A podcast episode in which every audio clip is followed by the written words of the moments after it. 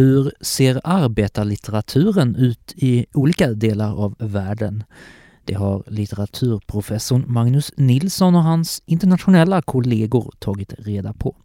Genom att studera de andra länderna får vi samtidigt syn på vad som utmärker den svenska arbetarlitteraturen. Hej och välkommen Magnus Nilsson. Hej.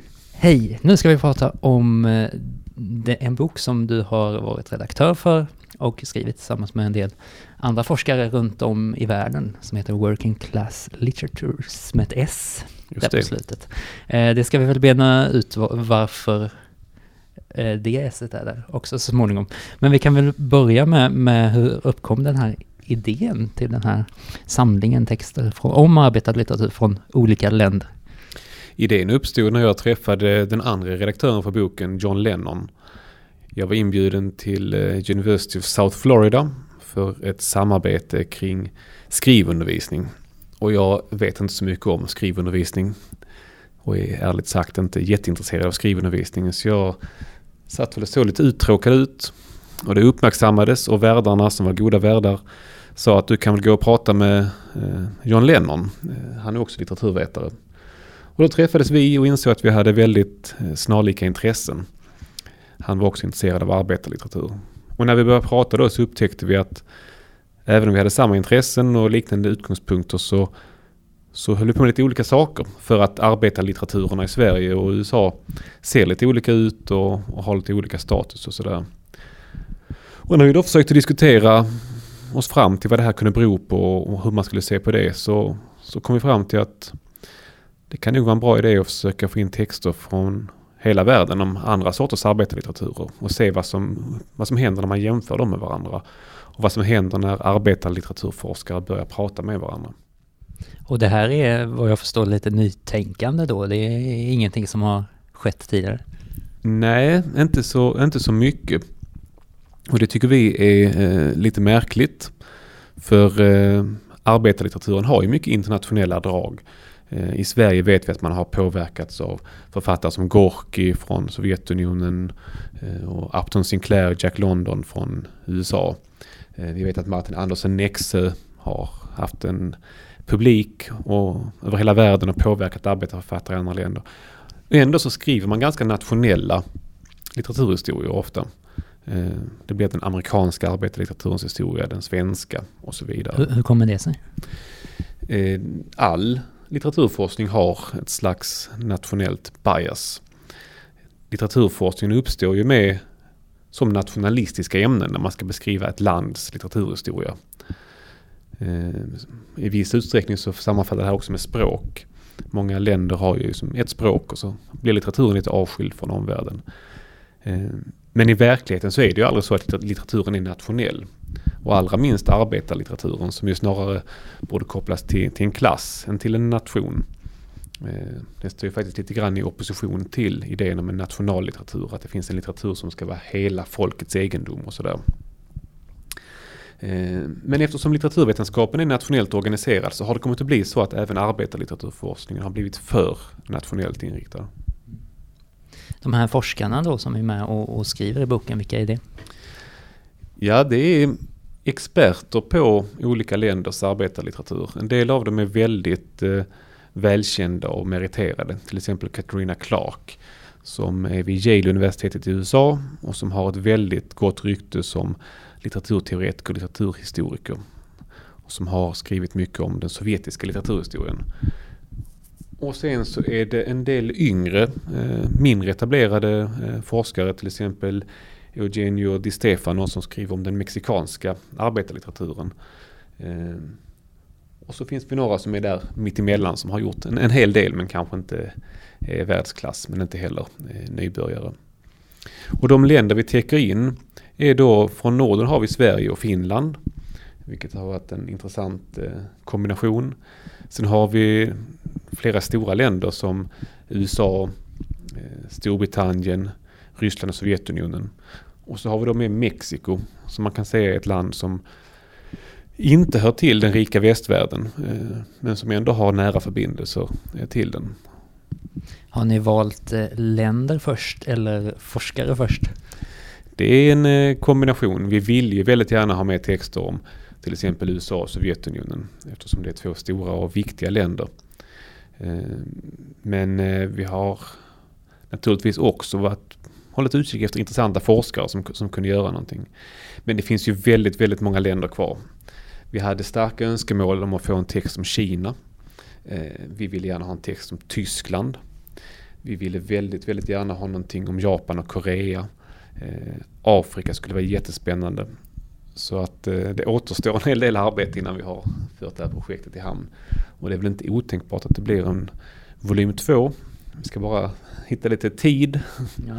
Ja men det, det, hoppas jag, för som sagt, eh, som jag sa till dig innan här, att eh, jag slukade den snabbt liksom. Det var väldigt intressant och eh, det är ofta så man får, man får syn på, på sig själv genom att titta på andra. Och så är det ju även här. Så vad skulle du säga, vad, vad blev du mest förvånad över när du tog del av de andras texter? Jag blev förvånad över mycket eftersom jag kände dåligt till de här litteraturhistorierna. Eh, men jag blev framförallt glad för jag tyckte att vårt upplägg höll. Tanken var ju att man kan studera arbetarlitteratur som någonting som samtidigt har en specificitet som präglas av den tid och plats där den uppstår. Till exempel Sverige eller USA, eh, 30-talet eller samtiden. Men att den också bör förstås som ett stort och övergripande fenomen som har förgreningar över hela världen. Och den här dialektiken mellan det förankrade lokala och det stora eh, globala blev ganska intressant i alla texterna. Eh, vi kunde liksom se skillnader och likheter eh, mellan eh, alla bidragen och det var väldigt, väldigt kul att det gick vägen. Mm. Eh, en, en likhet som jag tänker på är att eh, Eh, mycket arbetarlitteratur, nästan i alla länder, verkar vara ganska kopplad till arbetarrörelsen eh, och växte fram i samband med arbetarpressen. Ja, alltså arbetarklassens historia är nära kopplad till arbetarrörelsens historia. Och arbetarlitteraturen har ju starka kopplingar till båda två. Eh, jag brukar ibland säga att man kan betrakta arbetarlitteraturen som ja, en aspekt av arbetarrörelsen. Så arbetare organiserar sig politiskt och fackligt. Men man organiserar sig också eller skapar sig en närvaro i litteraturen, i kulturen. Så man skulle kunna se det som den kulturella grenen av det här fenomenet som tas uttryck i arbetarrörelsen fackligt och politiskt. Mm. Eh, och, och, det verkar ha skett eh, egentligen framförallt eh, kanske i Sverige och, och ja, det beror ju på hur stark arbetarrörelsen är i de olika länderna. Men vad ska man säga om den skillnaden då? Om eh, arbetarrörelsen har ju varit stark i Sverige och vi har en starkare arbetarlitteratur. Är det någonting som går igen i de andra länderna? Ja, det gör det, men på lite olika sätt. Alltså det finns länder med mycket stark arbetarrörelse som har en relativt svag arbetarlitteratur. Eh, Danmark och Tyskland är två exempel. Eh, Danmark har haft socialdemokratiska regeringar, byggt upp en välfärdsstat, haft starka fackliga organisationer och så vidare. Eh, men man har aldrig haft en väldigt stark tradition av arbetarlitteratur. Där har man istället haft eh, en mer uttalad tradition av kommunistisk litteratur än vad man har haft i Sverige. Det finns många kända danska författare som har haft kopplingar till kommunistpartiet och uppfattats som kommunistiska författare. Som Hans Kirk och Hans Scherfig det är liksom Nexö som är arbetarförfattaren och han har ingen tradition som följer. Eh, I Tyskland så kan man idag inte se att arbetarlitteraturen skulle vara en stark tradition trots att man har haft en väldigt stark arbetarrörelse historiskt. Sveriges arbetarrörelse har ju mycket härmat den tyska eh, kan man säga. Så vad kan man säga att den skillnaden beror på då? Ja, den som det visste. Man får säga att det är ganska komplexa fenomen. Alltså anledningen till att Sverige har en stark arbetarlitteratur går inte att, att, att formulera särskilt kortfattat. Naturligtvis så har det hjälpt att man har haft en stark arbetarrörelse. Och det har hjälpt att den här arbetarrörelsen har haft en kulturpolitik som inte har gått ut på att förvandla författare till agitatorer och språkrör. Utan att man har gett ett utrymme åt författarna i sina tidningar och att man har haft förlag som har eh, hjälpt till att sprida dem till, till breda eh, samhällsgrupper och så vidare. Så det finns det där. Det finns andra förklaringar som har att göra med att borgerligheten inte har haft någon stark kulturpolitik. Eh, i Sverige. När arbetarförfattarna slår igenom på 30-talet så är det inte så att det finns någon stark borgerlig kulturrörelse som försöker mota bort dem. Däremot i Frankrike och Tyskland där man har gamla borgerskap och där man har en gammal aristokrati som har makt i kulturen så blir det svårare för författarna att slå sig fram. Eh, där var man starka politiskt som arbetar rörelseorganisationer men svaga kulturellt. I Sverige kunde man vara stark kulturellt också. Så det är en sån här intressant skillnad. Jag tror också att det har varit en styrka att man inte har haft någon stark kommunistisk kulturrörelse i Sverige. I exempelvis USA så blev ju arbetarförfattarna ganska hårt kopplade till kommunistpartiet på 20-talet och 30-talet. Och när sen kommunistpartiet förlorar allt inflytande efter andra världskriget så diskrediteras arbetarlitteraturen av den här kopplingen. Den blev som väldigt uttalat politiskt och kontroversiell. Medan den i Sverige har kunnat framstå som ett kulturellt fenomen och därmed bedömts annorlunda och haft andra utvecklingsmöjligheter. Eh, och särskilt i USA då, där, där finns en hel del eh, litteratur som kallas slavlitteratur. Mm. USA är väldigt speciellt när det kommer till frågor om klass. Alltså amerikanerna har ofta en uppfattning att USA inte är ett klassamhälle till skillnad från europeiska länder som England och sådär. Eh, många amerikaner menar också att i USA är ras en mycket viktigare kategori än klass. Och många forskare menar ju då att man kan förstå ras och klass i väldigt nära anslutning till varandra. Det finns de som säger att det vi i Europa pratar om som klasskillnader uttrycker man i USA som rasskillnader. Men också att det man i USA pratar om som ras kanske har väldigt mycket med klass att göra. Och därför har många eh, forskare räknat in till exempel slavars eh, litteratur i arbetarlitteraturen. Och slavarna utgjorde naturligtvis en klass eh, i sydstaterna på, i plantageekonomin. Men de är ju inte en arbetarklass i, så som man brukar förstå den klassen. Men det kan väl finnas intressant, personligen anser jag att det kan vara intressant att jämföra arbetarlitteratur och slavarnas litteratur. Men jag är kanske lite skeptisk mot att jämställa dem och säga att det är samma sak.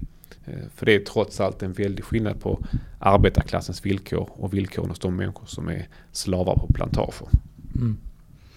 Eh, och eh, rör vi oss då till, till motsatt sida av, av världen och tittar på den sovjetiska arbetarlitteraturen, då finns det en väldigt eh, nära koppling till eh, politiken.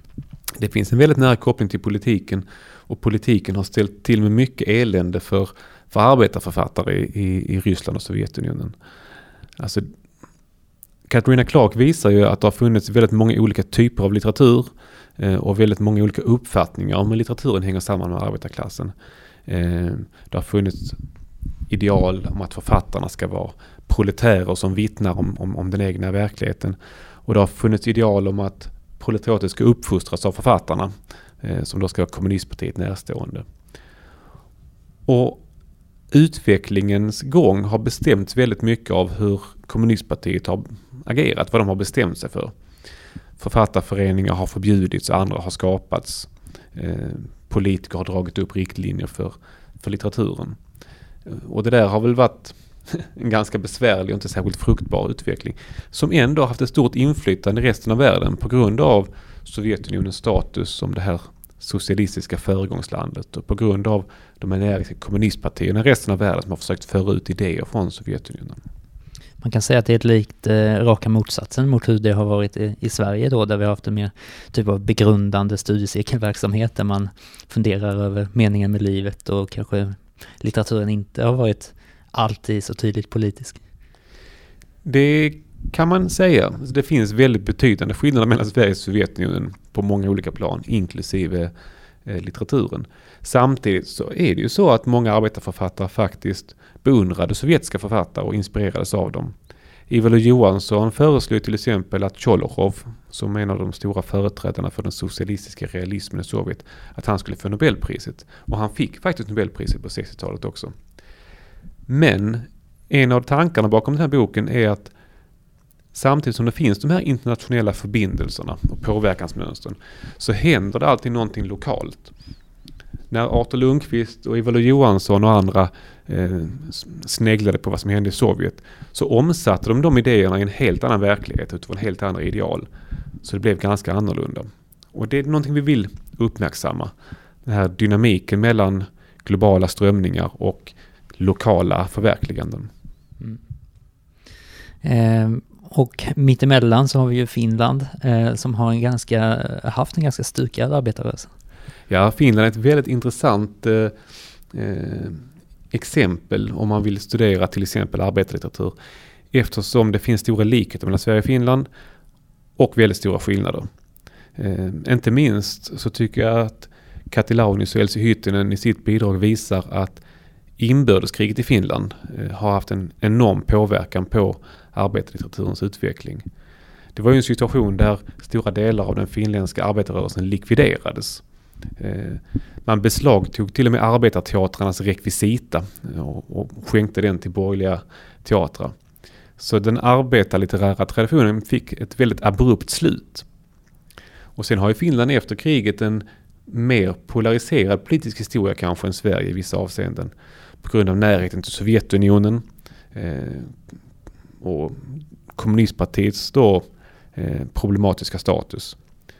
Så att eh, om vi i Sverige har haft en ganska apolitisk arbetarlitteratur i vissa avseenden så har den i Finland haft en hyperpolitisk laddning på grund av det världspolitiska läget och geopolitiska omgivningen. Så det finns verkligen mycket att, vinna på, på att jämföra de här två nordiska länderna. Mm. Och det som var så fantastiskt med den här boken också var ju att eh, Eh, jag fick upp ögonen för Väinö Linnas egentliga storhet. Eh, eh, de beskriver hur han egentligen skrev om den finska historien. Ja, Nej, Linna är en, en mycket betydelsefull författare. Och man ska komma ihåg att Finland är en väldigt ung nation med en väldigt eh, turbulent historia. Det moderna Finland är bara 100 år gammalt. Så de har i modern tid behövt tänka mycket över frågor om nationell identitet och så vidare. Och då kan ju författare få ett väldigt stort genomslag. Det tror jag att de hade när det moderna Sverige föddes också. Men det ligger lite längre tillbaks. Eh, så att vi kan studera det där med historiskt avstånd. I Finland är det fortfarande ett nationsbygge som pågår med hjälp av exempelvis Linnas romaner. Eh, och nu eh, i vår tid genom filmatisering av samma romaner. Så jag gjorde lite grann samma upptäckt som du. Att man förstår hur väldigt viktig en författare kan vara för diskussionerna om nationens identitet. Mm. Och det är häftigt. Det är mycket häftigt för att det visar det som många av oss går runt och, och, och tror, nämligen att litteraturen kan ha en väldigt viktig politisk och, och, och samhällelig roll. Eh, det sätter den frågan i blixtbelysning lite grann. Mexiko då, som eh, har en tradition av inte klassisk, eh, så att säga, arbetarlitteratur, utan snarare en vittneslitteratur, om man säger så. Vittnesmålslitteratur. Ja. Nej, det är ju en, en eh, genre som inte är så bekant här, den mexikanska vittneslitteraturen. Och det intressanta då med Eugenio Di Stefanos uppsats är att han relaterar den här ganska välundersökta litterära traditionen till den arbetarlitterära traditionen. Och då framträder den ju i ett nytt ljus. Och man får lite mer dynamik eh, i berättelsen om Mexikos litteraturhistoria. Eh, jag är ju inte alls bekant med Mexikos litteraturhistoria eh, i allmänhet. Men jag kan ju se att berättelserna jag läser hos Di Stefano hjälper mig att få perspektiv på, på de litteraturhistorier jag kan någonting mer om. Till exempel den svenska. Mm. Och sen har vi då den brittiska eh, arbetarlitteraturen också. Som ju inte alls har varit så stark och när den har varit stark så har det varit en period när till exempel den svenska har varit väldigt svag. Ja, Nej, England är ju ett, och Storbritannien är ett märkligt land vad gäller klass. Man brukar ju säga att man har en väldigt självmedveten arbetarklass, man pratar mycket om klass. Eh, när man säger arbetarklass tänker många människor på Storbritannien. Eh, samtidigt har man haft en förhållandevis svag arbetarrörelse. Framförallt en svag marxistisk arbetarrörelse. Eh, men trots att man då har stark klassidentitet och stark kulturell medvetenhet i arbetarklassen så har man haft en svag arbetarlitteratur. Så det där visar att förhållandet mellan arbetarlitteratur och andra delar av samhället är ganska eh, komplext. Men det är ju 50-talet en period där arbetarklassen blir synlig i litteraturen i ganska hög utsträckning. Medan det i andra delar av Europa, inklusive Sverige, faktiskt är en period när man, man pratar relativt lite om klass. Ehm, Och det är kul att se att det inte är en naturlag utan att det faktiskt kan röra sig lite ojämnt i de olika europeiska litteraturerna. Ja, för det där var ju intressant. Ehm, för när jag pratade med dig sist så, så pratade jag om den svenska arbetarlitteraturen som eh, har sina dalar och toppar. Eh, på 30-talet var den stor, på 70-talet och, och nu idag. Ehm, och att det där hör samman med när arbetarklassen är synlig. Men det intressanta är att när arbetarklassen är synlig är väl ofta gemensamt över hela vårt jordklot. Eh, nu pratar man ju mycket om klass efter Donald Trumps seger till exempel. Men att man ändå ser de skillnaderna periodmässigt i de olika länderna. Jag håller helt med och jag har börjat tänka väldigt mycket på de här frågorna efter att boken blev färdig. För det är ju så att exempelvis 30-talet är ofta en hög period för arbetarlitteraturen i många olika länder. Arbetarklassen blir synlig, den politiska dagordningen samverkar med en litterär eh, dagordning och som leder då till ett uppsving för arbetarlitteraturen. Men när man börjar se de här osamstämmigheterna så kan man ju misstänka att det där, de där 30-talslitteraturerna kanske också är väldigt, väldigt olika egentligen. Och det tror jag de är. Jag tror att när amerikanerna pratar om det proletära 30-talet och svenskarna gör samma sak så pratar vi egentligen om helt olika saker. Eh, och det är någonting som måste undersökas närmare. Mm. Eh, kan du säga någonting om vilka olika saker vi pratar om? Ja, det jag har börjat titta på det är att den, i USA så är det den här proletära rörelsen i litteraturen. Och den är då väldigt starkt kopplad till kommunistpartiet och till vissa tolkningar av sovjetiska idéer om, om litteratur och till vissa taktiska politiska överväganden. Eh, medan man i Sverige faktiskt har en mindre kommunistiskt orienterad och mer eh, Eh, dynamisk, mångfaldig eh, litterär utveckling. Så att Ivar Johansson och Mike Gold eh, är berömda och, och, och intresseväckande vid samma tidpunkt innebär inte att de nödvändigtvis är särskilt befryndade som författare. Och det har man egentligen vetat alltid. Vi har alltid pratat om särarter och sådär. Men, men vi, vi måste nog rikta förnyad uppmärksamhet mot att se likheterna och olikheterna eh, i, i kombination med varandra. Och 30-talet är en intressant period. Mm. Ja, du är inne lite nu på liksom vad, vad man kan utforska vidare. Är det, är det framförallt det här du vill ta tag i eller finns det andra saker också? Det viktigaste tror jag är att arbetarlitteraturforskare i olika länder pratar med varandra. För att vi kan lära oss väldigt mycket av varandras forskning. Dels genom att göra jämförelser.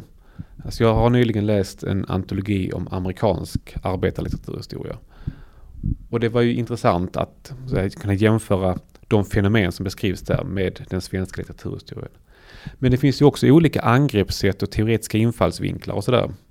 Eh, de amerikanska arbetarlitteraturforskarna kommer från en annan ämnesbakgrund ofta än vad de svenska arbetarlitteraturforskarna gör. Så det finns andra teorier, metoder, eh, tillvägagångssätt. Så det kan man också lära sig eh, av. Så det kan vara så att de skillnader som uppstår eh, uppstår på grund av att forskarna har olika bakgrund? Jag tror det också. I USA så intresserar man sig väldigt mycket för hur litteraturen uttrycker arbetarklassens erfarenheter. Alltså ett ganska sociologiskt betraktelsesätt. Och det finns väl inget fel i det, det kan man göra. Men man glömmer kanske ibland att arbetarlitteraturen också är litteratur. Man ser det inte här som ett litterärt fenomen som är intresse för att det är litterärt, utan det är mer som ett vittnesmål om någonting annat. Man är intresserad av arbetarna och inte litteraturen. I Sverige är det kanske ibland tvärtom. Eh, att den här litteraturen har erkänts och fått status som litteratur då tittar vi för det första bara på det som vi känner igen som litteratur. Det är romaner, noveller och sådär. Medan vi glömmer människors brev och eh, dagböcker och sådär. Eh, vi kanske också intresserar oss mer för uttryckssätten och mindre för, för innehåll och erfarenheter i vissa avseenden. Och det är inget fel i det heller. Man ska vara medveten om vad man gör och att andra angreppssätt är möjliga och att man kan förstå fenomenet på andra sätt. Och det lär man sig när man läser forskning från andra länder. Eh, det radas upp namn i den här boken också. Eh, och jag har nästan antecknat varenda en av dem. Eh, hur var det för dig? Har du hunnit läsa? Jag antar att du har antecknat och har du hunnit läsa något av de tips du har fått? Jag har ju då eh, fått biblioteket vid Malmö universitet att köpa in en hel del eh, eh böcker eh, under arbetet med den här antologin. Jag har läst en del av dem och det har varit mycket intressant. Men jag har väldigt mycket boktips kvar. Och jag börjar nästan förtvivla. Eh, kommer jag hinna ta mig igenom det här innan jag ska lägga mig i min grav? Eh, vad särskilt har du fastnat för? Jag läste en väldigt eh, skojig bok som heter Historien om mina tänder. Eh, och där var det väldigt roligt för när biblioteket köpte in den så placerade de den på bort hos odontologerna, alltså på tandläkarhögskolan. Eh, och ja, det skadar säkert inte att de har en bra roman i sitt bibliotek, men någon trodde uppenbarligen att det handlar om tandvård.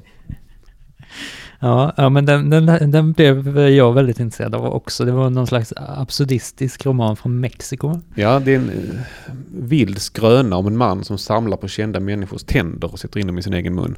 Eh, men den började faktiskt som ett projekt där eh, författarinnan eh, intervjuade och samtalade med arbetare på en fabrik i Mexiko. Eh, och eh, skulle, ja, skrev någonting som skulle förhålla sig till, eh, till den här relationen till arbetarna. Eh, det finns inget liknande någonstans i världen. Det är en väldigt unik roman men väldigt, väldigt intressant. Och väldigt intressant att studera inom ramen för begreppet arbetarlitteratur och dess historia. Men eh, den kom så här 2010, 2013, något sånt va? Jag vet inte exakt när den kom ut faktiskt. Eh, men men uppmärksamheten var inte så, den har inte, har den nått hit på svenska? Nej, men en annan bok av samma författare gavs nyligen ut i svensk översättning. Så att det, det, det kommer säkert. Mm. En intressant eh, grej var också att i, i Finland så, så är förhållandet till arbetarlitteraturen, eh, det är en slags koppling där som, som många läsare och experter gör mellan arbetarlitteraturen och, och verkligheten och man ställer frågan, är det sant? Eh, men den ser vi väl lite överallt. Det är ofta så. Men jag tror att den här frågan ställer man till all möjlig litteratur. Eh, och det är inget fel i det. Jag tror att vi läser litteratur för att få reda på någonting om oss själva och om samhället. Eh, det är bara att se Kafka. Eh, det är väldigt ofta man hör Kafka nämnas när folk ska beskriva eh, politiska skeenden och sådär. Jag tror också att en bok som Djurens gård av George Orwell uppenbarligen handlar om, om samhället, om Sovjetunionen, USA och så vidare. Problemet blir väl när man då glömmer bort att de här berättelserna också är litterära.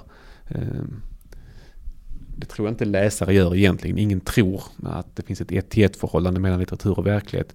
Men i diskussionerna om litteraturen bland akademiker så kan det ibland bli lite för mycket fokus på världen som böckerna beskriver och lite för lite fokus på, på själva böckerna. Även om det omvända också förekommer naturligtvis. Mm.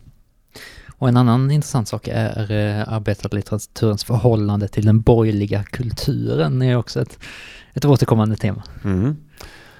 Och på något sätt så är det ju inte meningsfullt att prata om arbetarlitteratur om man inte avgränsar den från andra klasslitteraturer. Eh, vad man då menar med borgerlig litteratur kan ju vara lite olika. Eh, I litteraturhistorien pratar man ju till exempel om borgerliga realister på, i början på 1900-talets Sverige. Men man kan också tänka sig att litteraturen som sådan är borgerlig i ett borgerligt samhälle. Och att arbetarlitteraturen på något sätt utgör en, en motståndsrörelse. Eh, så arbetarnas litteratur i ett samhälle där borgerligheten är, är dominerande. Ehm, så det här är en viktig eh, fråga, en fråga som man inte kommer runt om man intresserar sig för arbetarlitteratur. För om man inte är intresserad för relationen till borgerligheten så är man inte heller intresserad av, av arbetarlitteraturen, skulle jag vilja säga. Ehm, och det här är ju en relation som är konfliktfylld. Det är ju inte en skillnadsrelation bara. Eh, utan en relation som, som handlar om makt, pengar, eh, det pågår, där det pågår en kamp mellan två, eh, två parter om resurser och politisk makt och, och sådär. Så det är klart att frågan är viktig. Tyvärr är det då ingen särskilt lättbesvarad fråga. Den relationen är lite komplex att, eh, att beskriva. Men man kanske inte heller behöver något slutgiltigt svar på den. Så länge man diskuterar den så, så finns ett värde i diskussionen menar jag. Mm. Men finns det inte, nu är jag väldigt eh, dålig på den här typen av teori, men visst finns det marxistisk teori som, som hävdar att eh, eh, när en litteratur på något sätt blir dominerande så blir den borgerlig? Ja, eh, det finns många marxister som menar att i ett kapitalistiskt samhälle så dominerar då borgerliga värderingar på alla livsområden. Eh, vår syn på allt möjligt skulle vara borgerlig och att litteraturen skulle framförallt vara en borgerlig angelägenhet. Och jag håller inte alls med. Eh, jag läser Marx på ett mycket annorlunda sätt. Jag menar att Marx betonar kamp mellan olika eh, intressen eh, i allt han skriver. Han säger att all historia har hittills varit historia om klasskamp. Och då tror jag att all litterär historia också har handlat om kamp mellan olika grupper och klasser. Och själva idén om kamp förutsätter att det finns motsättningar, att det finns olika parter, det vill säga att det finns arbetarlitteratur och borgerlig litteratur. Om all litteratur hade varit borgerlig så hade det inte funnits någon kamp i litteraturen. Och då kan andra marxister tycka att jag är lite naiv. Eh, men jag tror att det där hänger samman väldigt mycket med vilken litteratur man studerar. Och i Sverige så har vi då en stark arbetarlitteratur. Och den utgör i sig en påminnelse om att du faktiskt kan göra inbrytningar i litteraturen. Att litteraturen inte är någonting i sig, utan att vad litteraturen är avgörs eh, i en kampsituation. Här lyckades en massa arbetare ta sig in i litteraturen. Det kan säkert vara så att några av dem har påverkats väldigt mycket av borgerlig litteratur, att de har förborgerligats. Men det kan också vara så att litteraturen faktiskt har avförborgerligats en aning. Att arbetarförfattarnas inträde i litteraturen har förändrat den. Och det tycker jag är en mycket intressantare hypotes. Men det är kanske också lättare att komma fram till den hypotesen om man sitter i Sverige, där vi faktiskt har en stark arbetarlitteratur att titta på, än om man sitter i exempelvis USA eller Tyskland, där den här litteraturen har marginaliserats. Så istället för att den svenska arbetarlitteraturen har något inflytande och blivit borgerlig, så, så utgör den fortfarande då en del i den här kampen. Det tror jag att den gör och jag tror också att den har varit framgångsrik. Idag i Sverige så är det liksom helt okej okay att skriva en roman som handlar om eh, hur det är att arbeta i hemtjänsten. Den romanen kan få fina litterära priser och stor uppmärksamhet, positiv kritik. I många andra länder anses det inte vara ett litterärt ämne.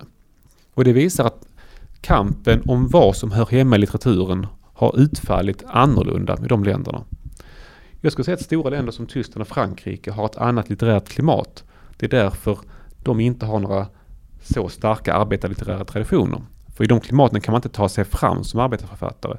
Medan i Sverige så har arbetarförfattarna bidragit till att på olika sätt göra litterär, litteraturen mer mångfaldig och skapa utrymme också för arbetarlitteratur i litteraturhistorieskrivningen, eh, när priser ska delas ut eh, och så vidare. Ett annat tema i boken är kampen om begreppet arbetarlitteratur. Eh, och det härrör ju också till det här med just kamp om maktförhållanden. Och vad kan man, vad kan man säga om, om den kampen? Att den har eh, pågått väldigt länge och att den aldrig kommer att ta slut. Eh, det finns ju väldigt många olika uppfattningar om vad litteratur är. Och därmed finns det också många uppfattningar om vad arbetarlitteratur är. Detta späds ju på att det finns många olika uppfattningar om vad arbetare är för några människor och vad arbetarklassen är och vad klass är för någonting och sådär. Och det finns många politiska grupperingar som har velat eh, föra fram olika idéer om arbetarlitteratur och gynna olika typer av arbetarlitteratur för att det skulle gynna deras politiska målsättningar. I Tyskland kan man till exempel se under mellankrigstiden hur kommunisterna för fram en typ av arbetarlitteratur och socialdemokraterna en annan. Och man skapade olika begrepp kommunisterna pratar om den proletärrevolutionära litteraturen medan socialdemokraterna pratar om arbetarlitteraturen. Kommunisterna betonar agitationen, socialdemokraterna betonar formulerandet av erfarenheter eh, ur arbetarklassen och så vidare. Där är det olika litteraturer som har olika namn. Eh, I Sverige så är vi ganska överens om vad arbetarlitteraturen är för någonting. Inte helt överens, men hyfsat överens. Men vi har olika sätt olika idéer om hur den ska förstås och ibland så blir det bråk om hur den ska benämnas. Eh, den bästa beskrivningen i boken av det här tycker jag finns i bidraget av den finska litteraturen. Eh, som bland annat beskriver hur en författarinna går och gömmer sig på toaletten medan en stor mängd kritiker diskuterar hur man ska beskriva hennes verk och vad som är proletärt i det. Det är en, eh, en, en intressant bild och som kanske visar att ibland så är kritikernas diskussioner lite överflödiga eh, och författarna bryr sig inte så mycket om dem. Men vid andra tillfällen så är de här diskussionerna väldigt in, intressanta och, och någonting vi kan lära oss mycket av. Mm. Vi eh, ska börja avrunda men jag vill återkomma lite till den här eh, eh, frågan som vi var inne på i, i början där. I vilken utsträckning har, eh, har arbetarförfattarna inspirerats av varandra? Jag vet att eh, i Sverige så, så läste man en del sovjetisk arbetarlitteratur till exempel. Mm. Jag tror att författare lär sig av varandra väldigt, väldigt mycket. Och där har litteraturhistorieskrivningen varit metodologiskt hämmad. Om man studerar bara svensk litteratur så glömmer man ofta den översatta litteraturen. Detta var någonting som Lars Fureland, den stora arbetarlitteraturforskaren i Uppsala, eh, gång på gång påminde om, men som folk ändå inte riktigt lyckades lära sig. Våra bibliotek är full, fyllda av översatta böcker. Arbetarförfattarna har läst dem och inspirerats av dem minst lika mycket som de har inspirerats av andra svenska författare. Så det finns en definitiv påverkan från sovjetisk litteratur, från amerikansk litteratur, eh, från eh, flera olika länders litteratur. Martin Andersen Nexö, den danska författaren, kommer man inte runt. Per-Olof Mattsson har nyligen skrivit en bok som bland annat handlar om hans inflytande i Sverige. En, en lysande bok som visar att det är dumt att skriva nationella litteraturhistorier. Men hur som helst, påverkan internationellt har varit massiv. Samtidigt så är litteraturen i någon utsträckning lokal och nationell. Litteraturkritiken eh, i Sverige ser annorlunda ut än vad den gör i USA. Eh, förlagssystemen ser annorlunda ut. Eh, Sverige är ett litet land, USA är ett stort land. Marknaden ser annorlunda ut och så vidare. Och det vi har försökt visa i den här boken är att man måste göra två saker samtidigt. Man måste öppna ögonen för de internationella sammanhangen. Men man måste också förstå att man inte kan överge det nationella perspektivet helt och hållet. Och det är där det här s i titeln kommer in. Ja, det, dit måste vi återkomma. Ja. Så vi tänker att det här handlar om arbetarlitteraturer. Att de är många. Det finns den amerikanska, den svenska, den ryska, den mexikanska, den finska, den brittiska och så vidare. Samtidigt utgör de ett fenomen. Eh, arbetarlitteraturen är per definition mångfaldig samtidigt som det är ett fenomen man kan tala om. En slags mångfald i enhet eller enhet i mångfald. Är det något mer du, du känner att vi bör lyfta? Det är ju en ganska om, omfattande bok som berör eh, hela arbetarlitterära historien i många länder. Ja, jag hoppas att den kan sporra till diskussion. Det är en bok som kan läsas helt gratis, eh, vilket ju också är viktigt för oss. Eh, jag tror att arbetarlitteraturforskningen bör hålla kontakt med eh, läsare och, och diskussionspartners utanför universitetet. Akademiska böcker är ofta väldigt, väldigt dyra att få tag på. Eh, men kan man publicera dem online gratis så kan man nå ut till många läsare som annars aldrig skulle tagit eh, de här böckerna i sina händer. Så jag hoppas på en, en, en vidgad eh, diskussion och den här podden kan säkert bidra till att folk får upp ögonen för boken och det är ju helt lysande i så fall. Mm, det hoppas jag. Tack för att du var med. Tack själv.